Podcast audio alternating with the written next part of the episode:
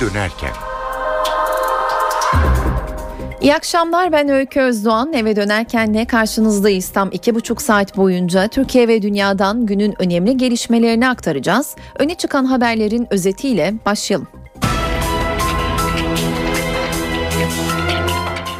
Türkiye Büyük Millet Meclisi Suriye tezkeresini görüşüyor. Hükümetin askeri operasyon yetkisini bir yıl uzatacak tezkerede kimyasal tehdit vurgusuna atıfta bulunuldu. CHP ve BDP tezkerenin süresinin uzatılmasına karşı. Öğrenci andının kaldırılmasına ilişkin takvim netleşti. Milli Eğitim Bakanı Nabi Avcı, andımızın kaldırılması için bir hafta içinde değişiklik yapılacak dedi. Bakan özel okullarda ana dil eğitiminin ise gelecek yıl başlayacağını söyledi. Gazeteciye mektup iddiası. Siyasette yeni bir tartışma başlattı. Eskişehir valisi Güngör Azim Tuna, gazeteci İsmail Saymaz'a tehdit içerikli mektup gönderdiği ileri sürüldü. Muhalefet ayağa kalktı. AK Parti Genel Başkan Yardımcısı Hüseyin Çelik konunun araştırıldığını söyledi. Büyük firarın gerçekleştiği Bingöl cezaevinde görevli 36 personel başka cezaevlerine gönderildi.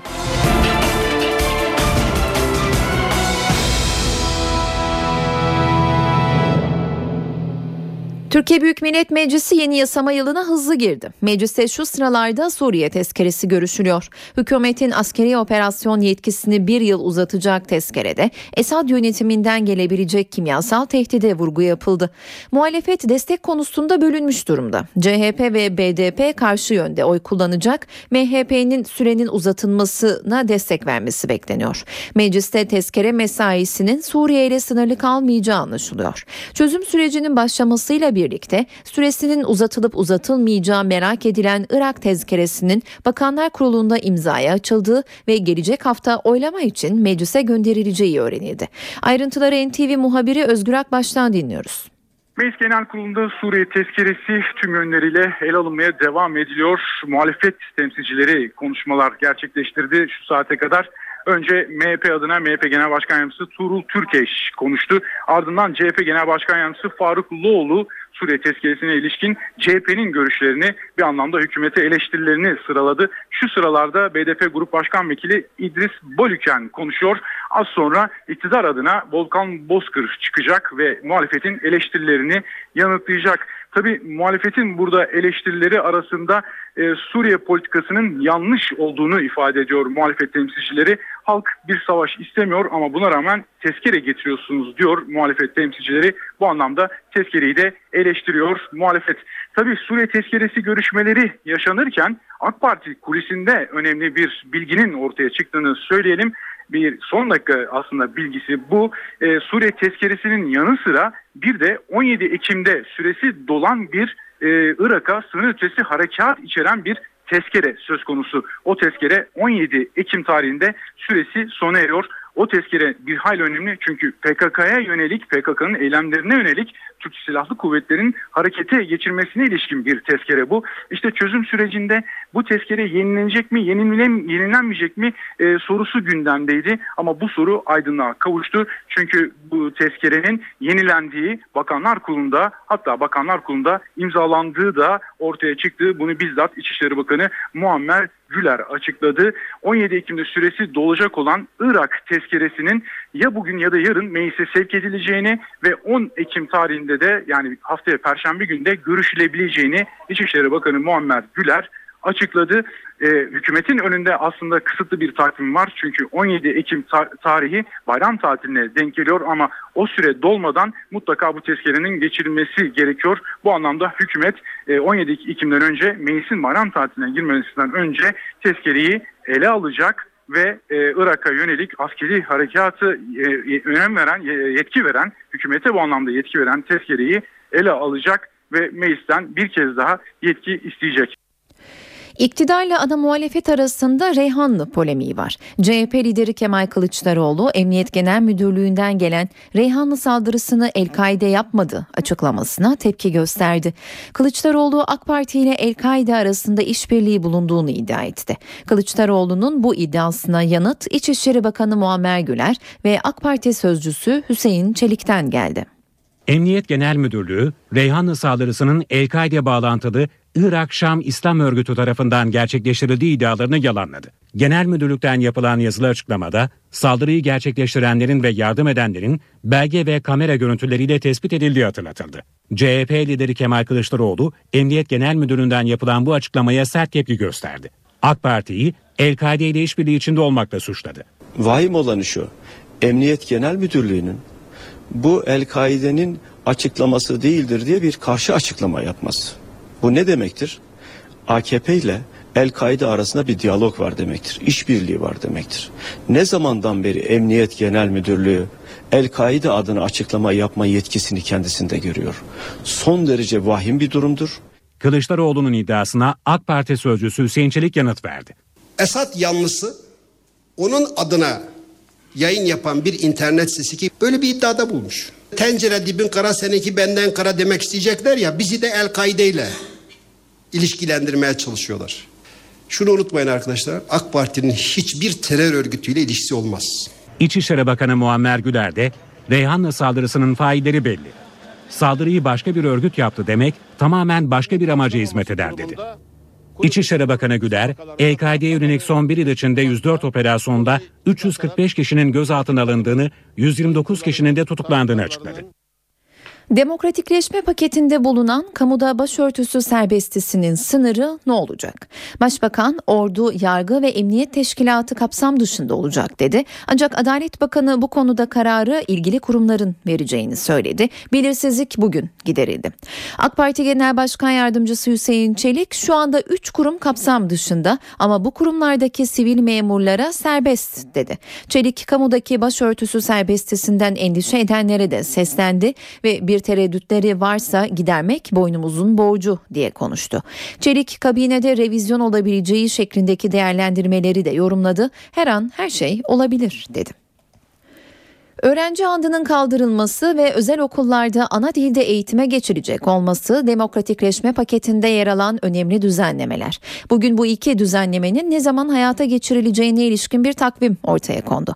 Milli Eğitim Bakanı Nabi Avcı andın kaldırılması için bir hafta içinde değişikliğin yapılacağını ifade etti. Özel okullarda ana dil eğitiminin ise ancak gelecek yıl başlayacağını söyledi. Ayrıntıları NTV muhabiri Yağız Şenkal'den dinliyoruz. Milli Eğitim Bakanı Nabi Avcı tarih verdi. Bir toplantı sonrasında sorularımızı yanıtladı. Andımız en geç bir hafta içinde kalkıyor. Nabi Avcı açıkladı. Demokrasi paketindeki üç değişikliği sorduk Milli Eğitim Bakanı'na. Hem andımızın ne zaman kalkacağını hem ana dilde eğitimin, Kürtçe eğitimin ne zaman başlayacağını hem de memurlara gelik, e, yönelik başörtüsü serbestliğinin ne zaman başlayacağını sorduk. Önce andımızla başlayalım. Zaten ortaokullarda andımız kalkmıştı diye konuştu Nabi Avcı. Yönetmelik değişikliği yapacağız dedi ve en geç bir hafta içinde andımız kalkacak diye konuştu. Daha sonra ana dil eğitimi sorduk. Özel okullarda ana dil eğitim artık serbest kalmıştı. Ne zaman başlayacak dedik. Nabi Avcı seneye dedi. Çünkü bu seneye yetişmeyecek dedi. Belli bir hazırlık yapılması gerekiyor dedi. Tam ne dedi söyleyeyim. Kürtçe ya da başka bir dille ilgili müfredat çalışması konusunda zaten bir deneyimimiz vardı. Ders kitaplarının üretilmesi için zamana ihtiyacımız var. Yasal düzenleme de gerekiyor. Bazı yasalarda değişiklik gerekiyor diye konuştu Nabi Avcı ve tarih verdi. Önümüzdeki yıldan itibaren olacağını tahmin ediyorum dedi Nabi Avcı. Yani Kürtçe eğitim önümüzdeki yıldan itibaren gelecek. Henüz bir başvuru var mı hemen başvuru yapıldı mı diye sorduk. Nabi Avcı Kürtçe eğitimle ilgili bize gelen okullardan gelen bir başvuru yok diye konuştu. Peki başörtüsü düzenlemesi nasıl olacak? Bizle alakalı değil dedi bu konu. Çünkü başbakanlığı bir kılık kıyafet yönetmeliği var. Buna göre başbakanlığın bir düzenleme yapması lazım. Ondan sonra okullarda başörtüsü, öğretmenlerin başörtüsü takıp takmaması serbest kalabilir diye konuştu Nabi Avcı. Bir de öğretmen atamaları var. Ondan bahsedelim. Ee, bazı dedikodular dönüyordu. Öğretmen atamaları yapılacak mı diye Nabi Avcı'ya bu soru da soruldu. Bir beklenti oluşuyor dedi. Ancak kale almayın bizim haricimizdeki açıklamaları diye konuştu Nabi Avcı. Sadece Başbakanlığın, Eğitim Bakanlığı'nın ve Maliye Bakanlığı'nın açıklamalarını kale alın. Şu anda böyle bir durum yok diye konuştu Nabi Avcı. İktidar temsilcilerinin açıklamaları böyleydi ama muhalefettense sert eleştiriler sürüyor. CHP lideri Kemal Kılıçdaroğlu bugün NTV canlı yayınında Miray Aktaoğlu'cun sorularını yanıtladı. Demokrasi gıdım gıdım gelmez, bütün kurumlarıyla getirilmelidir dedi. Bu paket bildiğimiz AKP'nin seçim paketi. Ee, İmralı ile yapılan görüşmeler var. O görüşmeler çerçevesinde verilen sözler var. O sözlerden bir kısmı bir tutamı bunun içine ilave edilmiş ve bu demokrasi paketi olarak halka sunulmaya çalışıyor. Efendim üç tane harf getiriyoruz. Neymiş? X'miş, efendim e, W'ymuş, Q harfiymiş. Bunları toplum aşmış durumda. Siz bunlara demokrasi paketi getiriyorum diye toplumu kandıramazsınız. Kılıçdaroğlu pakette Alevilerle ilgili düzenleme olmamasına da tepki gösterdi. Demokrasi gıdım gıdım gelmez. Demokrasiyi ve özgürlüğü çağdaş uygarlığın gerektirdiği, batı standartların getirdiği bütün kurumları getirerek getireceksiniz. Bunun lütfu mu olur?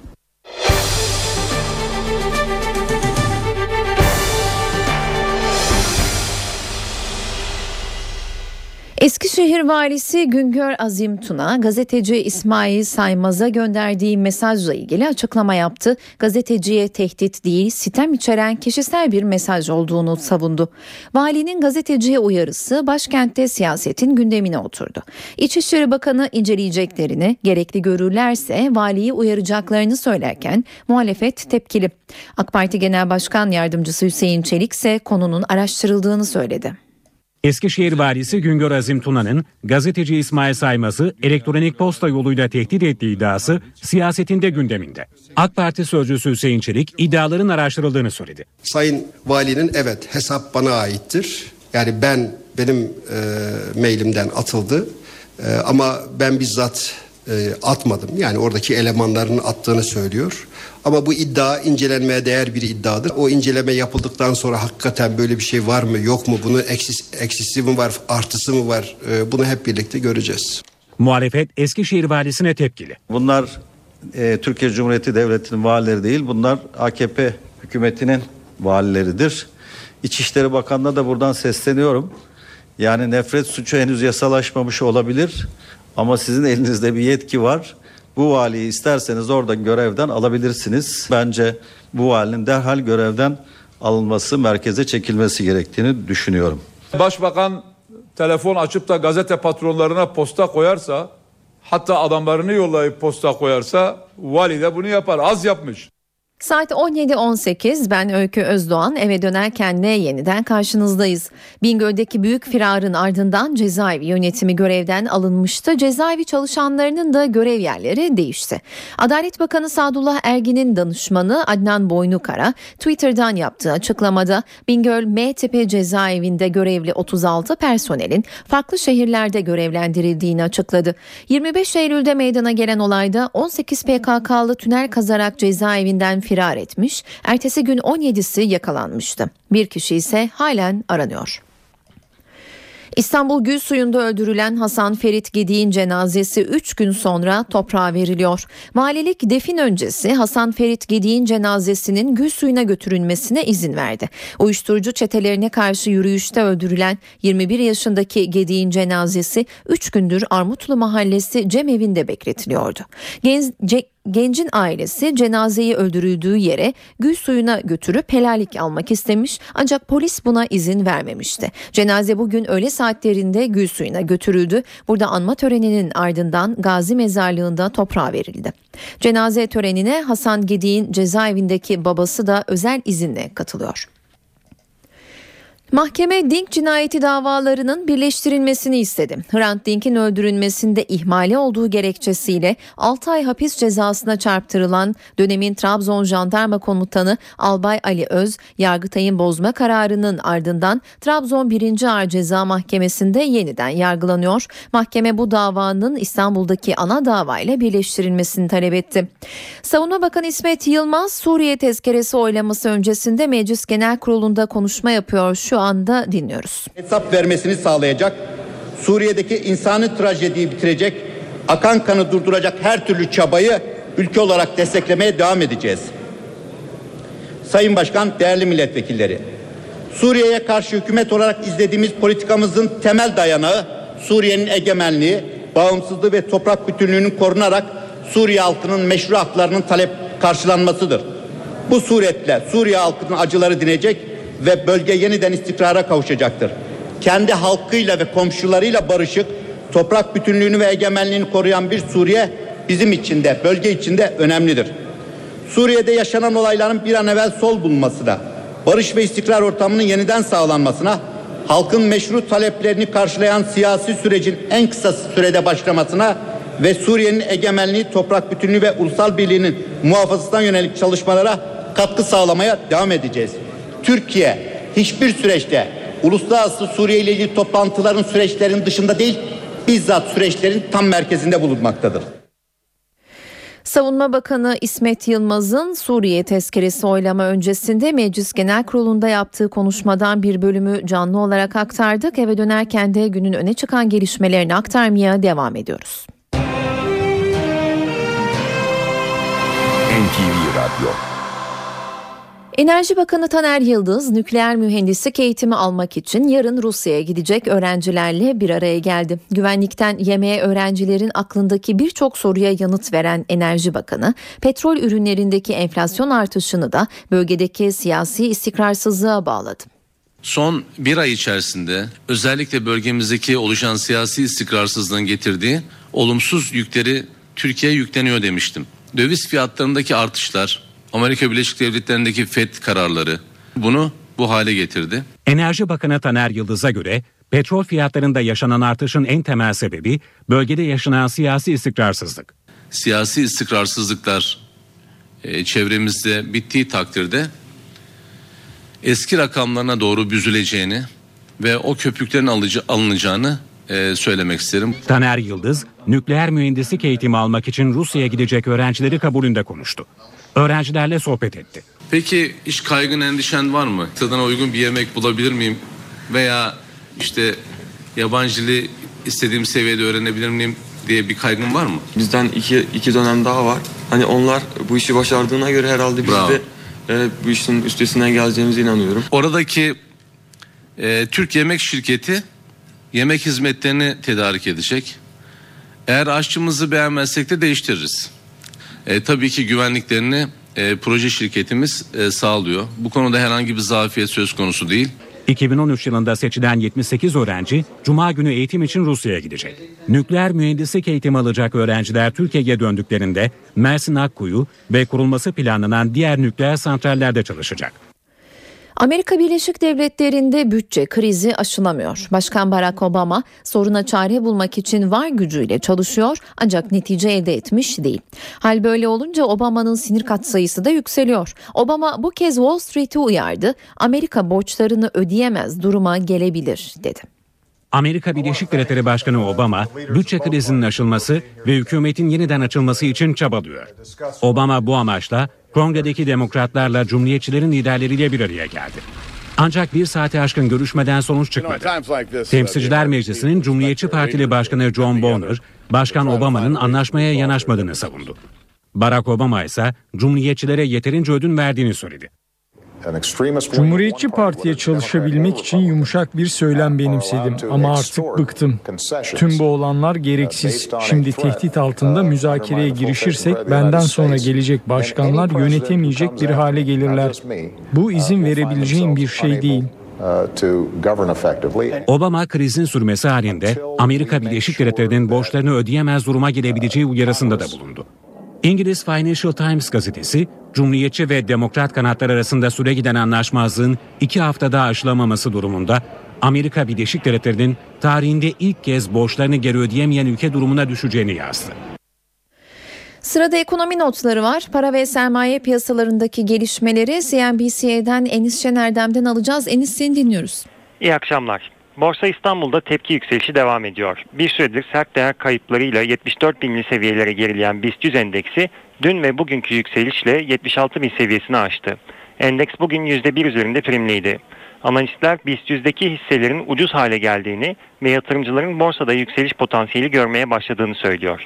Ancak endeksin 77 bin seviyesini aşmasının zor olduğu da belirtiliyor. TL tarafında ise toparlanma var. Dolar TL tekrar 2 seviyesinin altında. Yurt dışında ise Amerika'daki borç tavanı pazarlığı takip ediliyor. Borsa endeksleri üzerinde baskı devam ediyor. Spot altın ise bu belirsizlik ortamında 1300 dolar üzerinde tutunmaya devam ediyor. Öykü. Enis teşekkürler. CNBC'den Enis Şener'den para ve sermaye piyasalarında yaşanan gelişmeleri aktardı. NTV Radyo ÖSYM üniversitelere ek yerleştirme sonuçlarını açıkladı. Sonuçların açıklanmasının ardından üniversitelerde 118.700 kontenjan yine boş kaldı. Bir yüksek öğretim programına kayıt hakkı kazanan adayların kayıt işlemleri 7, 8, 9 Ekim tarihleri arasında yapılacak. ÖSYM adaylara bir sonuç belgesi gönderilmeyeceği hatırlatmasında bulundu. Sonuçlar yalnızca ÖSYM'nin internet sitesinden öğrenilebilecek. Lisans ve ön lisans programlarında 199 bin kontenjana 81 bin aday yerleşirken toplam 118 bin kontenjana ise yerleştirme yapılamadı. Temizlikçi kadının ölümüyle ilgili dava sonuçlandı. Ev sahibi suçlu bulundu. Maltepe'de evine çağırdığı temizlikçi kadının cam silerken pencerenin kırılması sonucu düşüp hayatını kaybetmesi üzerine ev sahibine taksirle öldürme suçlamasıyla dava açılmıştı. Mahkemeye sunulan bilirkişi raporunda sanıkla ilgili olarak pencerenin eski ve çürük olduğu konusunda maktule uyarıda bulunması gerekirdi denildi. Raporda ölen temizlikçi Fatime Aldal, tali kusurlu, sanık Sevim Özdemir ise asli kusurlu bulundu. Mahkeme bu rapor doğrultusunda sanık Sevim Özdemir'i 1 yıl 8 ay hapis cezasına çarptırdı. 71 yaşındaki sanığın pişman olduğunu belirtmesi üzerine ceza ertelendi.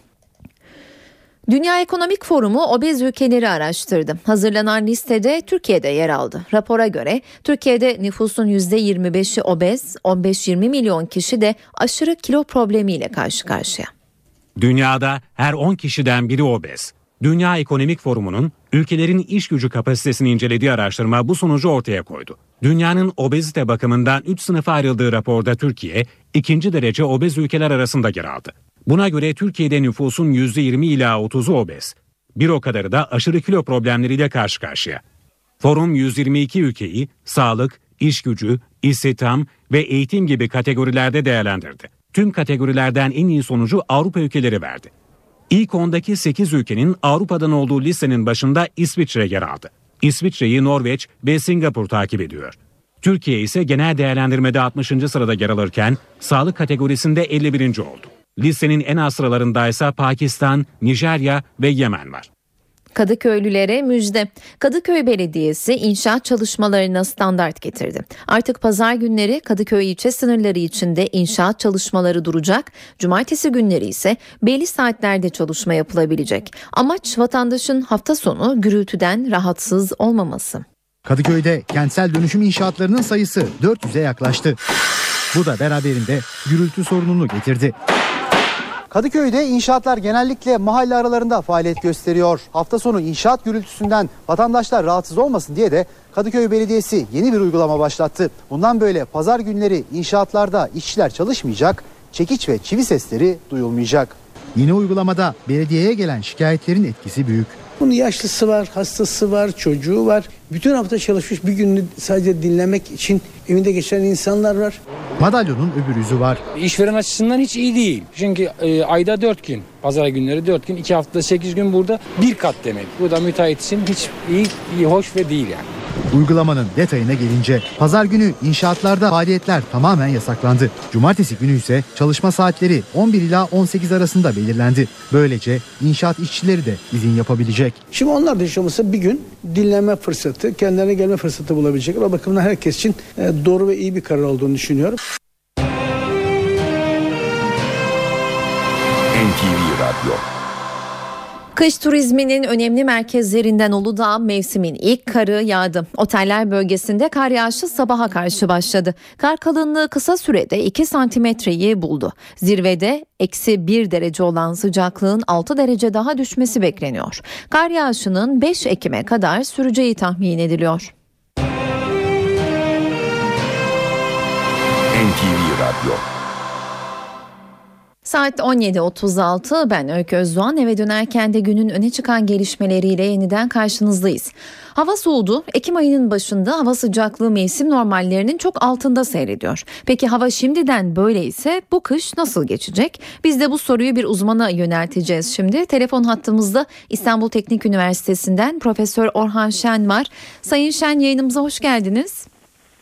Hoş bulduk efendim. İyi yayınlar. Teşekkürler. Ekim ayı oldukça soğuk başladı. Bu soğuk ve yağışlı hava önümüzdeki kışın nasıl geçeceğine ilişkin bir ipucu sayılabilir mi?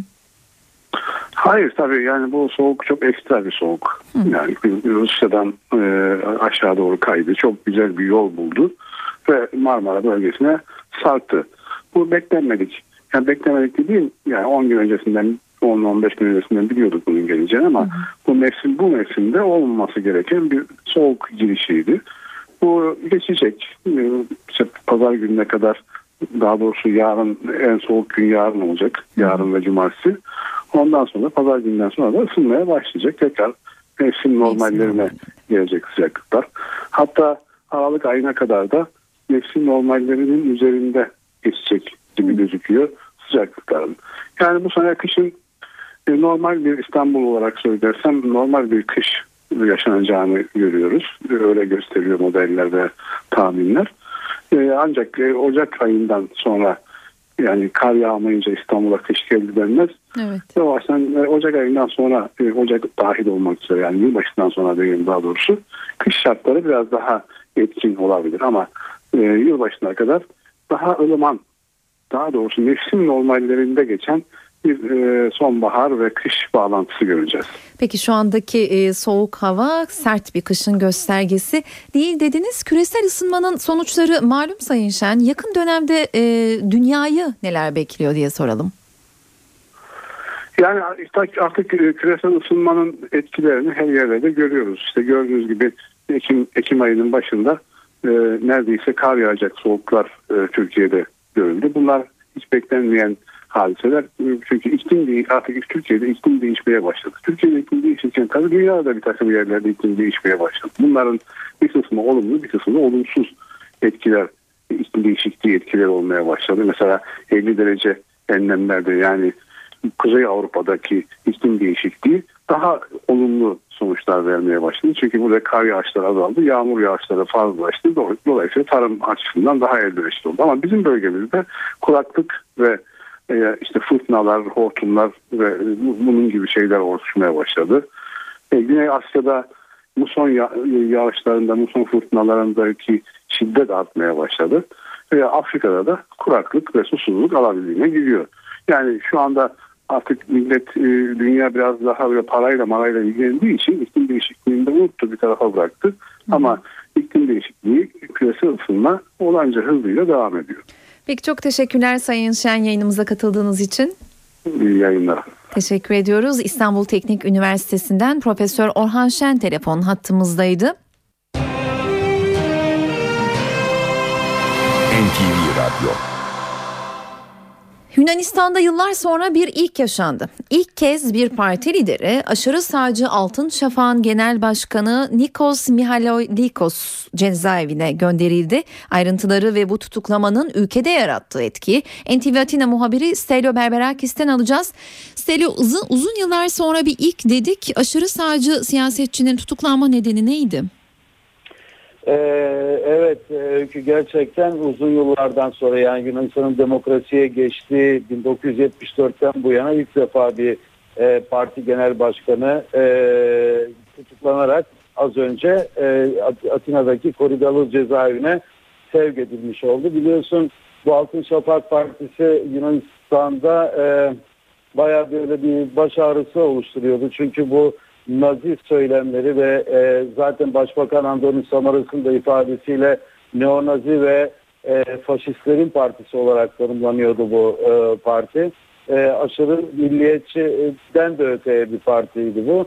Ve son e, 10 gün önce yaklaşık 10 gün önce bir Altın Şafak üyesinin e, sol görüşlü bir e, rap e, müzisyenini yol ortasında bıçaklayarak öldürmesinden sonra adli soruşturmalar başlamıştı bu parti hakkında ve nitekim geçen hafta savcılık bu partiye üye olanların e, cinayi suç örgütü e, oluşturdukları gerekçesiyle milletvekilleri dahil e, o üyelerini e, teker teker sorgulamaya çekti. Nitekim 6 milletvekili ki bu bunların arasında e, parti lideri de vardı e, Nikos Mikhaloyakos. E, bunların sorgulama, sorgulanmaları hala devam ediyor. Fakat ilk sorgulamalarda e, 4 milletvekilinden 3'ünün e, e, tutuksuz yargılanmak üzere serbest bırakılması Yunan toplumunda ve hükümet içinde de büyük bir hayal kırıklığı uğratmıştı. Çünkü bu kişiler milletvekilleri mahkeme salonundan e, yar, e, tutuksuz yargılanmak üzere bırakıldıklarında habercilerin üstüne saldırıp bayağı böyle bir hırpalama e, olaylarına tanık olduk hepimiz burada ve bu da şok etkisi yarattı. E, fakat bunlar tabi beraat etti anlamına gelmiyor. Çünkü bu suç örgütünün elebaşları yani beyin takım olarak e, niteleniyorlar ve yargıları e, yargı önüne mutlaka çıkacaklardır önümüzdeki aylarda veya günlerde. Dolayısıyla e, bundan sonra yani Altın Şafak liderinin içeriye e, girmesinden sonra yani tutuklu yargılanmasına karar verilmesinden sonra etraf biraz daha yatışmış gözüküyor. E, şimdi bir de başkan yardımcılarının şu anda e, savunması alınıyor. Bakalım o da e, gözaltına ve tutuklanacak mı tutuklanmayacak mı bu gün içinde öğreneceğiz. E, kısaca söylemek gerekirse şu ana kadar e, lider dahil 5 e, kişi e, e, e, yani Altın Şafak üyelerinden e, iki e, biri lider, biri milletvekili, e, katil zanlısı yani bu genci öldüren e, kişi hı. Altın Şafak üyesi bir üye daha ve aralarında bir de kadın polisin yani Altın Şafak örgütüne veya e, üyelerine yataklık yaptığı e, suçlamasıyla o da e, bugün kadınlar koğuşuna sevk edilmiş bulunuyor. Yani böyle bir e, dalgalanma oldu Yunanistan'da. Yani siyasi kaos yaratılmaması için de e, hükümetin elinden geldiği ne yaptığı göz, e, yaptığını gözlüyoruz e, öykü. Stelio teşekkürler. NTV Atina muhabiri Stelio Berberakis telefon hattımızdaydı. Umuda yolculuk yine ölümle noktalandı. Felaket haberi yine Akdeniz'den İtalya'nın güneyindeki Lampedusa adası açıklarından geldi. Kaçakları taşıyan tekne battı. 94 kişi hayatını kaybetti. 150 kişi kurtarıldı. Ancak halen 200'e yakın kayıp var. Ayrıntıları NTV İtalya muhabiri Şeyda Kanepa'dan alacağız. Şeyda son haberler ne yönde? Ve senin de söylediğin gibi son gelen haberlere göre ölü sayısı 94'e yükseldi. Teknede 500 aşkın göçmen oldu ve şu anda 250 kayıp bulundu gelen bilgiler arasında. Afrika'dan kaçak göçmen taşıyan teknede İtalya'nın güneyinde bulunan Lampedusa adası yakınlarındaki küçük bir ada olan Conili'ye yarım yıl kala yangın çıktı. Teknenin devrildiği ve can havliyle denize atlayan göçmenlerin arasında çok sayıda küçük çocuk ve hamile kadınlarında olduğu belirtiliyor. Tekneleri tekneyi kullanan insan tacirleri İtalyan güvenlik güçlerine yakalanmamak için e, tekne kıyıya çok yaklaşmadan göçmenleri genellikle suya atıyor. Artık her hafta bu tip haberlerle karşılaşıyoruz diyebiliriz. Yüzme bilmeyenler çoğunlukla maalesef boğularak ölüyor. Ancak bu kez teknede bulunan göçmenlerin denizin ortasında bırakıldı ve kurtarılmak için bir battaniyeyi ateşe verdi ve sonrasında çıkan yangında teknenin devrildiği yönünde gelen haberler var. Göçmenlerin Eritre ve Somali asıllı oldukları bildiriliyor. Göçmen teknesinin sabah yerel saatte 7 e, sıralarında iki İtalyan balıkçı teknesi tarafından fark edilip e, alarm verildiği belirtilirken adanın belediye başkanı e, durumu e, korkunç olarak nitelendirip her yerde e, kadavra olduğunu vurguladı ve yaşanan trajediye isyan etti sürekli kaçak göçmen akımına maruz kalan Lampedusa adasına dün gece de 400'ün üzerinde göçmen geldi. Sabaha karşı e, güneş doğarken Sicilya kanalı diye adlandırılan aynı bölgedeki Sirakuza yakınlarında yüzden fazla göçmen yine bir teknede e, kurtarıldı. Geçtiğimiz pazartesi aynı bölgede insan tacirleri tarafından tekneden kırbaçla dövülerek denize atlamaya zorlanan 13 göçmen boğularak hayatını yitirmişti. Yine Ağustos ayında kıyıya sadece 15 metre mesafede 6 göçmen yüzme bilmedikleri için boğulmuştu. Geçtiğimiz ay adaya bir seyahat gerçekleştirip hayatını kaybeden göçmenlerin anısına dua eden Papa Francis yaşanan trajediyi utanç verici olarak nitelerken İtalya Cumhurbaşkanı Napolitano durumu masumların katliamı olarak tanımladı. İçişleri Bakanı Angelina Alfano Avrupa Birliği başta olmak üzere uluslararası kurumlardan yardım istedi. İtalyanca Avrupa'dan bu konuda defalarca yardım istedi ancak istediği sonucu hala alamadı. Dünyanın en gelişmiş 8 ülkesi arasında yer alan İtalya'nın 25 yılda 19 bin göçmene mezar olan Akdeniz'de faciaları gere, gerekli önlemleri almaya yarayacak bir organizasyonu hala kuramaması son derece düşündürücü. düşündürücü. Bugün öğleden sonra Avrupa Parlamentosu Başkanı Martin Schulz İtalyan basınına verdiği bir demeçte Avrupa'nın İtalya'yı yalnız bırakmaması gerektiğini vurgularken Türkiye, Lübnan, Lübnan ve Ürdün'ün e, Avrupa ülkelerinden çok daha fakir ülkeler olmakla birlikte Suriyeli mültecilere yardımcı olduklarını hatırlattı.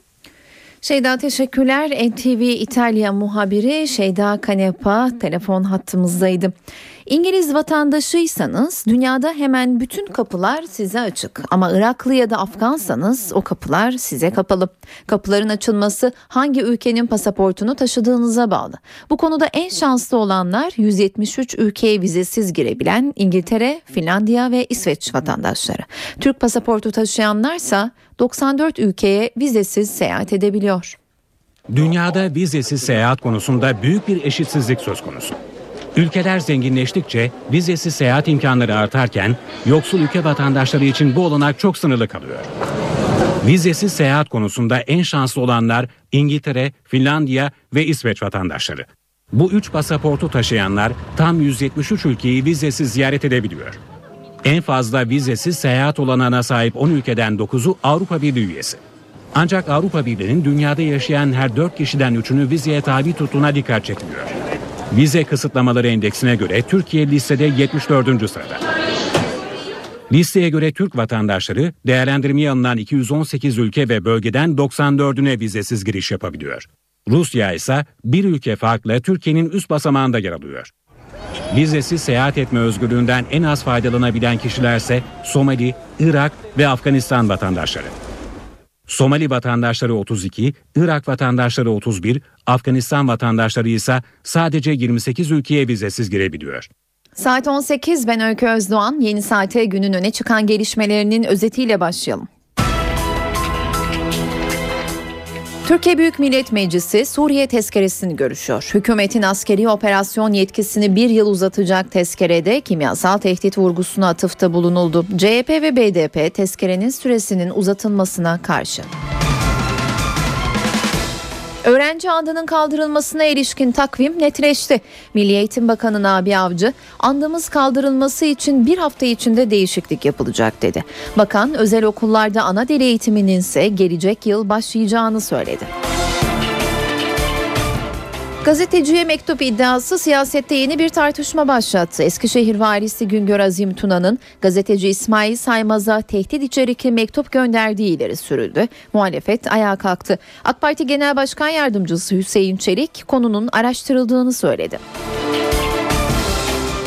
Büyük firarın gerçekleştiği Bingöl cezaevinde görevli 36 personel başka cezaevlerine gönderildi.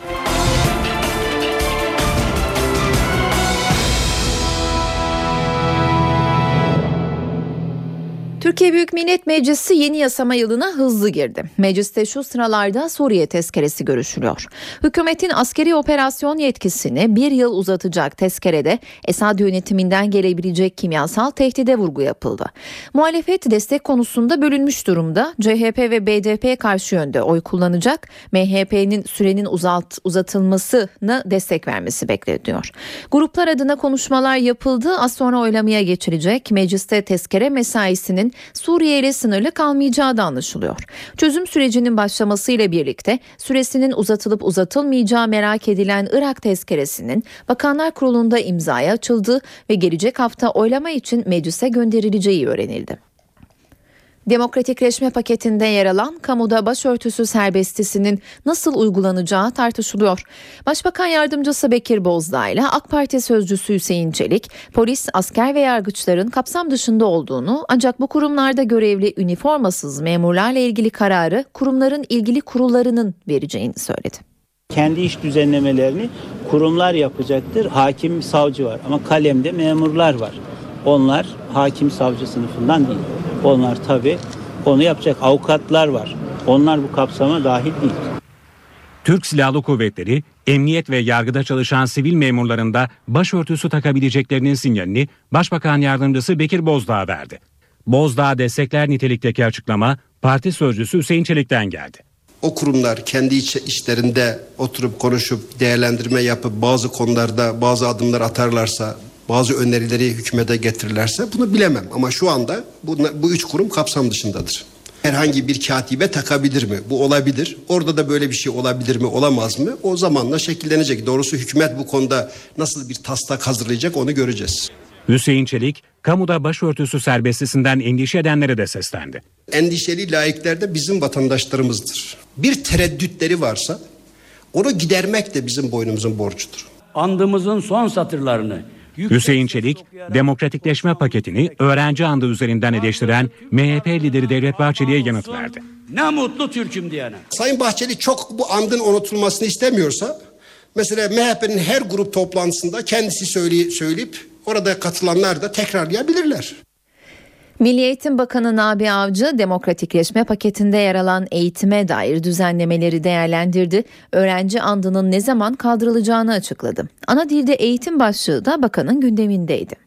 Daha önce ortaokullardan e, bu uygulama kaldırılmıştı. E, dolayısıyla arkadaşlarımızın bu konuda zaten bir hazırlığı var. E, zannediyorum e, bir hafta içerisinde konuyla ilgili yönetmelik değişikliği gerçekleşmiş olur. Öğrenci andında değişiklik çok yakında devreye girecek. Ancak özel okullarda ana dilde eğitim gelecek yıla kaldı. Zaten bu yıl eğitim öğretim yılı başladı. Bu yıla ait bir düzenleme, daha doğrusu uygulama söz konusu olmayacağı için onun için vaktimiz var. Önümüzdeki yıldan itibaren yapılacak yasal düzenleme hem yasa düzeyinde hem yönetmelikler düzeyinde yapılacak düzenlemelerle bu konuda gerekenleri yapacak. Doğu ve Güneydoğu'da bazı özel okullar ana dilde eğitim hazırlıklarına şimdiden başladı. Ama Milli Eğitim Bakanı Nabi Avcı ise zamana ihtiyaç var dedi. Belli diller konusunda zaten seçmeli ders uygulamasından kaynaklanan bir deneyimimiz var. Ama bunun dışındaki derslerle ilgili müfredat çalışmalarının e, ve dolayısıyla ona dayalı program e, üretiminin, programların yazılması, ona dayalı olarak ders kitaplarının üretilmesi belli bir zamana ihtiyaç duyar. E, ayrıca bu konuyla ilgili düzenleme andımızdaki gibi yönetmelik konusu değildir. E, aynı zamanda bazı yasal değişiklikler, yasal düzenlemeler de gerekiyor. Bingöl'deki büyük firarın ardından cezaevi yönetimi görevden alınmıştı. Cezaevi çalışanlarının da görev yerleri değişti. Adalet Bakanı Sadullah Ergin'in danışmanı Adnan Boynukara Twitter'dan yaptığı açıklamada Bingöl M cezaevinde görevli 36 personelin farklı şehirlerde görevlendirildiğini açıkladı. 25 Eylül'de meydana gelen olayda 18 PKK'lı tünel kazarak cezaevinden firar etmiş, ertesi gün 17'si yakalanmıştı. Bir kişi ise halen aranıyor. Diyarbakır Bingöl Karayolu'nda 100 kilogram patlayıcı bulundu. Bomba imha ekipleri patlayıcıyı imha etti. Diyarbakır Bingöl Karayolu bir süre kapalı kaldı. Bingöl'ün Genç ilçesinde de PKK'lılar özel bir firmaya ait yakıt tankerine bombalı saldırı düzenledi. Şırnak'ın Beytüşşebap ilçesinde ise PKK kale kol inşaatına harç taşıyan mikseri ateşe verdi. Araç tamamen yandı. Mahkeme Dink cinayeti davalarının birleştirilmesini istedi. Hrant Dink'in öldürülmesinde ihmali olduğu gerekçesiyle 6 ay hapis cezasına çarptırılan dönemin Trabzon Jandarma Komutanı Albay Ali Öz, Yargıtay'ın bozma kararının ardından Trabzon 1. Ağır Ceza Mahkemesi'nde yeniden yargılanıyor. Mahkeme bu davanın İstanbul'daki ana davayla birleştirilmesini talep etti. Saatler 18.11'i gösteriyor. Ben Öykü Özdoğan eve dönerken de yeniden karşınızdayız. Türkiye İstatistik Kurumu Eylül ayı enflasyon rakamlarını açıkladı. Tablo olumlu. Bir dönemin canavarı olarak adlandırılan enflasyon Eylül'de %0,77 oranında arttı. Yıllık enflasyon ise %8'in altına indi. Ayrıntıları NTV Ankara İstihbarat Şefi Ahmet Ergen'den alacağız. Ahmet ayrıntıları senden dinliyoruz. İlk öncelikle şunu söylemek mümkün. Enflasyon son 4 ayın en düşük seviyesine geriledi Eylül ayı itibariyle ve %8'in e, altında yıllık rakam tüketici fiyatları endeksi açısından. E, Merkez Bankası'nın hatırlanacağı gibi e, son enflasyon değerlendirmelerinde öyle bir not vardı. Temmuz sonu itibariyle e, bu yıl için enflasyonda zirve noktası görülecek daha sonra düşüş başlayacak diye tam da Merkez Bankası'nın öngördüğü gibi iki aydır yıllık enflasyon açısından gerilemenin yaşandığı bir gerçekleşme söz konusu oluyor. Ancak e, ana göstergede e, rakam düşüş yönünde olsa da çekirdek enflasyondaki yükselişe Merkez Bankası dikkat çekiyordu.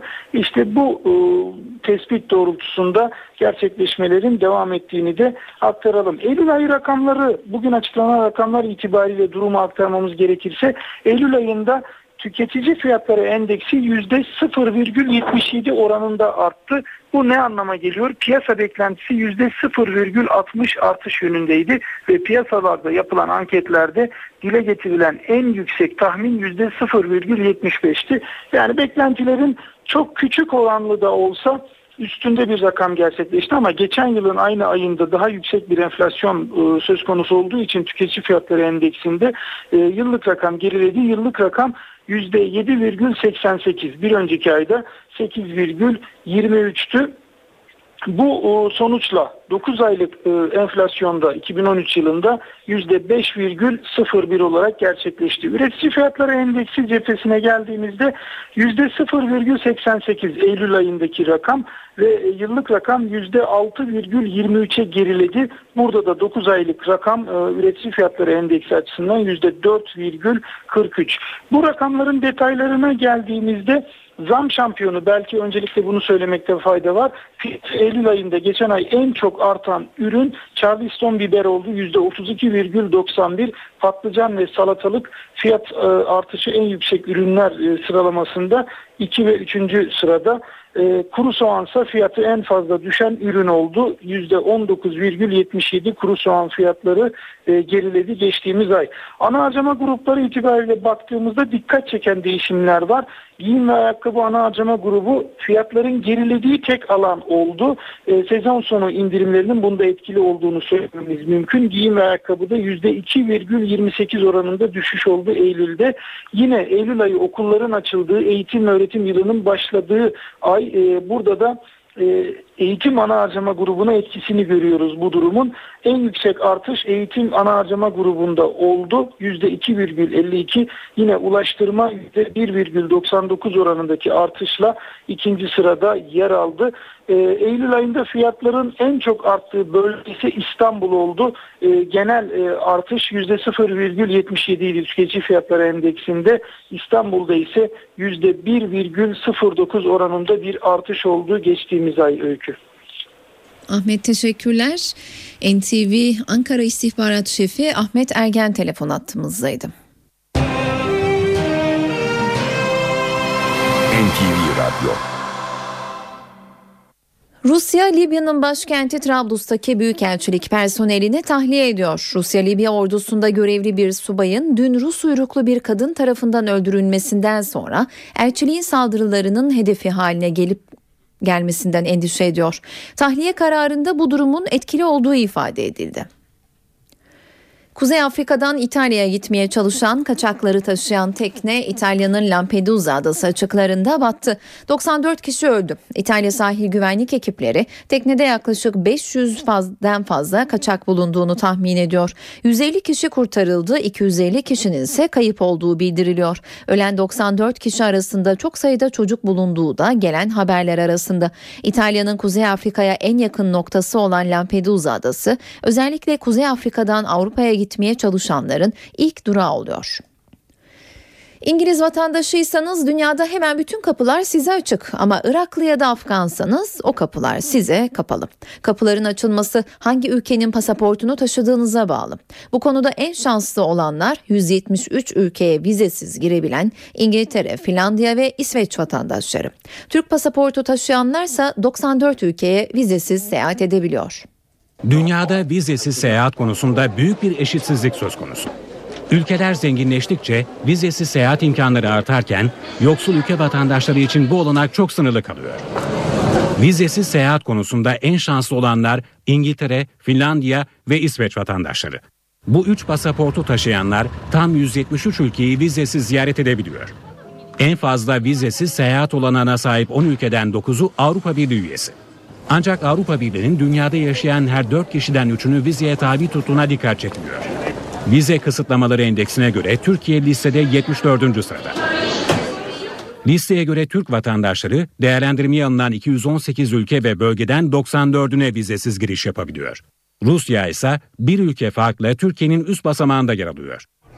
Vizesiz seyahat etme özgürlüğünden en az faydalanabilen kişilerse Somali, Irak ve Afganistan vatandaşları. Somali vatandaşları 32, Irak vatandaşları 31, Afganistan vatandaşları ise sadece 28 ülkeye vizesiz girebiliyor. NTV Radyo Eve dönerken hava durumuyla devam ediyoruz. Son hava tahminlerini NTV Meteoroloji Editörü Gökhan Abur'dan alacağız. İyi akşamlar. Soğuk hava Ege, Batı Karadeniz ve İç Anadolu'dan sonra Akdeniz ve Doğu bölgeleri de etkisi altına alıyor. Hafta sonu yurt genelinde sıcaklıkların hissedilir derecede azalmasını bekliyoruz.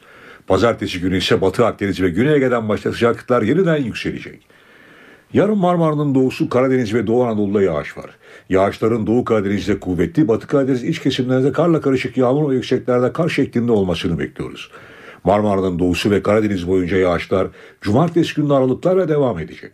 Erzurum, Kars, Ardahan arasında da hafif yağışlar görülecek ki doğudaki yağışlar kar ve karla karışık yağmur şeklinde olacak. Kuzeydeki yağışların yer yer kuvvetli olmak üzere pazartesi günü etkisini sürdürmesini bekliyoruz.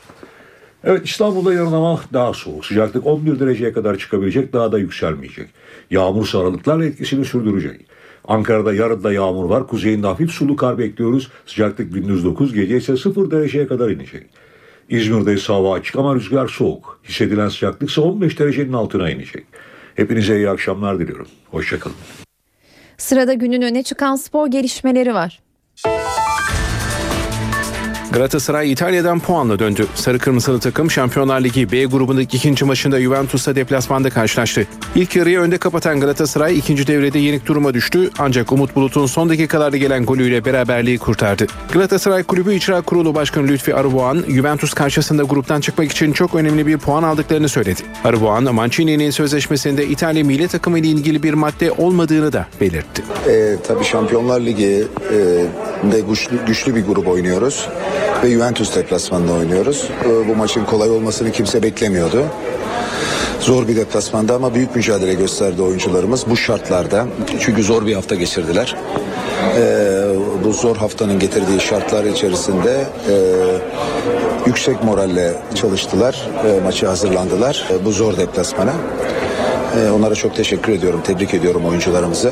Hakikaten çok değerli bir puan aldılar. İkinci bir e, teşekkürü, tebriği de Sayın Teknik Direktörümüz Roberto Mancini'ye e, yapmak istiyorum. Hiç düşünmeden büyük bir cesaret göstererek önce hemen e, takım antrenmanına çıktı. İki antrenmanla da maça çıkmayı tercih etti. Son bir haftadır o kadar büyük bir bilgi kirliliği yaşadık ki her konuda yazılan, yazılmayan, söylenen, söylenmeyen. O nedenle bu tip şeyleri de şaşırmıyorum. E, Mancini'nin sözleşmesinde milli takımla ilgili bir madde yok. E, belki de bu e, kazandığımız puan grubun son maçında Juventus'la oynayacağız biliyorsunuz. Onunla birlikte gruptaki sıralamayı etkileyecek çok değerli bir puan olacak. Önümüzdeki iki Kopenhag maçı çok önemli. Üst üste oynayacağız. Orada Kopenhag'ın üstüne çıkmamız gerekiyor. Daha sonra da inşallah son maçta e, Juventus'un üstüne çıkacağız. Galatasaray'ın Juventus deplasmanından puanla döndüğü maçta Roberto Mancini'nin kadro ve sistemde yaptığı değişiklikler dikkat çekti. İtalyan teknik adam takımını tek forvet oynatırken Riera uzun aradan sonra orta alanın kanatlarında görev yaptı. Galatasaray'da teknik adam değişikliği sonrası sistem de kadroda değişti. Teknik direktör Fatih Terim'in yerine göreve gelen Roberto Mancini, Juventus karşısında takımını tek forvetli bir sistemle sahaya çıkardı. İtalyan teknik adam Drogba Burak ikilisinden tercihini fil dişi sahili golcüden yana kullandı. Burak Yılmaz ise kulübede bekledi. Roberto Mancini savunma ve orta alanda da değişiklikler yaptı. Savunmanın sağında Ebuya ortada Şedcu ile Semih, sol bekte ise Hakan Balta oynadı. Dani 18 kişilik kadroda yer almadı. Galatasaray'la ilk maçına çıkan Roberto Mancini Melo Selçuk ikilisinden vazgeçmedi. Riera ise uzun aradan sonra orta alanda forma giydi. İspanyol oyuncu ve Portekizli Buruma zaman zaman değişerek kanatlarda görev yaptı. Öte yandan Galatasaray taraftarı Torino'da da takımını yalnız bırakmadı. Tribündeki yerini alan 2000'i aşkın taraftar oyunculara 90 dakika büyük destek verdi. Şampiyonlar Ligi B grubunda temsilcimiz Galatasaray'ın Torino deplasmanında Juventus'la 2-2 berabere kalması İtalyan basınında geniş yankı buldu. Gazeteler Juventus'un büyük bir fırsatı geri teptiği görüşünde birleşti. La Gazzetta dello Sport Galatasaray'ın yeni teknik direktörü Mancini'nin Juventus'u durdurduğuna dikkat çekti. Gazete, İtalyan teknik adamın Juventus bizden üstün bir takım değil, penaltı pozisyonuysa biraz garipti sözlerini ön plana çıkardı. Tutto Sport beraberlik için Türk işi manşetini attı. Gazete Galatasaray'ın Drogba ile bulduğu ilk golü Leonardo Bonucci'nin defanstaki hatasına bağladı. Tutto Sport ayrıca hücumda Vucinic'in, defansta ise Lichtsteiner'in oyundan çıkarılmasının siyah beyazlı ekibi olumsuz yönde etkilediğini yazdı. Corriere dello Sport, Antonio Conte'nin kendi evinde Mancini'li Galatasaray'ı durduramadığına dikkat çekti. Gazete maçın son anlarında öne geçen Juventus'un avantajını koruyamamasının gruptaki dengeleri değiştirebileceğini vurguladı. Gazete hakemin de kötü bir yönetim gösterdiğini ifade etti. La Repubblica Galatasaray'ın yeni teknik direktörü Roberto Mancini'nin sözlerini okuyucularıyla paylaştı. Gazete, İtalyan teknik adamın Bonucci'nin hatası olmasaydı da gol atabilir ve bu maçı kazanabilirdik. Ancak fırsatları değerlendirmek önemli. Gördüğünüz gibi Juventus üst sıralardaki en iyi takım değil sözlerinin polemik yaratacağına dikkat çekti. Trabzonspor UEFA Avrupa Ligi'ndeki ikinci maçında İtalyan ekibi Lazio ile Avni karşılaşacak. Saat 20'de başlayacak mücadele NTV'den ve ntvspor.net'ten naklen yayınlanacak. Trabzonspor'la Lazio Hüseyin Avni Aker stadında liderlik mücadelesine çıkacak. UEFA Avrupa Ligi J grubundaki ilk maçında Kıbrıs Rum kesiminin Apollon Limassol takımını deplasmanda 2-1 yenen Trabzonspor sahasında Legia Varşova'yı 1-0 mağlup eden Lazio ile grup liderliği için karşı karşıya gelecek. Avrupa'da en son 23 Şubat 2012'de PSV Eindhoven'a 4-1 yenilen ve o tarihten sonra 586 gündür mağlubiyet yüzü görmeyen Bordo Mavili takım yoluna kayıpsız devam etmeye çalışacak. Bu sezon Avrupa Ligi'nde oynadığı 7 maçta 6 galibiyet bir beraberlik alan Trabzonspor gol bölgesinde Enrique, Adrian ve Maluda'ya güveniyor. Enrique 7, Adrian ve Maluda ikişer gol atarak Karadeniz ekibinin bu sezon Avrupa'daki 15 golünün 11'ini kaydettiler. Trabzonspor'la Lazio 19 yıl aradan sonra ilk kez karşılaşacak. Bordo Mavililer 1994-1995 sezonunda UEFA Kupası 3. turunda karşılaştığı Lazio'ya iki maçta da 2-1 yenilerek elenmişti. Bordo Mavili takım karşılaşma için son çalışmasını Mehmet Ali Yılmaz tesislerinde yaptı. Çalışmaya kadro dışı bırakılan Volkan Şen ve Batuhan'la sakatlığı bulunan Soner dışındaki tüm futbolcular katıldı. Antrenmanı Başkan İbrahim Hacı Osmanoğlu da izleyerek futbolculara moral verdi. Lazio ise son antrenmanını Avni Aker stadında gerçekleştirdi. İtalyan ve Türk bası mensupları antrenmana yoğun ilgi gösterdi. Bir dönem Samsun Spor'da da görev yapan Lazio Teknik Direktörü Vladimir Petkovic, çalışmada futbolcularını taraftar baskısı konusunda uyardı. İngiliz basını Arsenal menajeri Arsene Wenger'le kulüp yönetim arasında yeni sözleşme görüşmelerinin başlamak üzere olduğunu yazdı. Daily Mail ve Daily Mirror gazetelerine göre kulübüyle sözleşmesi gelecek sezonun sonunda sona erecek Fransız menajer 3 yıllık yeni bir sözleşmenin altına imza atacak. Wenger bu sözleşme karşılığında toplam 24 milyon sterlin kazanacak. Arsene Wenger takımının Napoli'yi yendiği Şampiyonlar Ligi maçında Arsenal'daki 17. yılını kutlamıştı. Fransız menajer geçtiğimiz günlerde dürüst olmam gerekirse sonsuza kadar Arsenal'ı çalıştırmak isterdim demişti. Sezona Aston Villa yenilgisiyle giren Arsenal, Mesut Özil transferinin ardından büyük bir çıkışa geçerek Premier Lig'de liderlik koltuğuna oturdu. Londra ekibi Şampiyonlar Ligi'ndeki ilk iki maçını da kazandı. Sıcak bir gelişmeyi aktaralım hemen. Suriye tezkeresi meclisten onay. Suriye tezkeresi az önce mecliste kabul edildi. Tezkereyle hükümetin askeri operasyon yetkisi bir yıl uzatılmış oldu.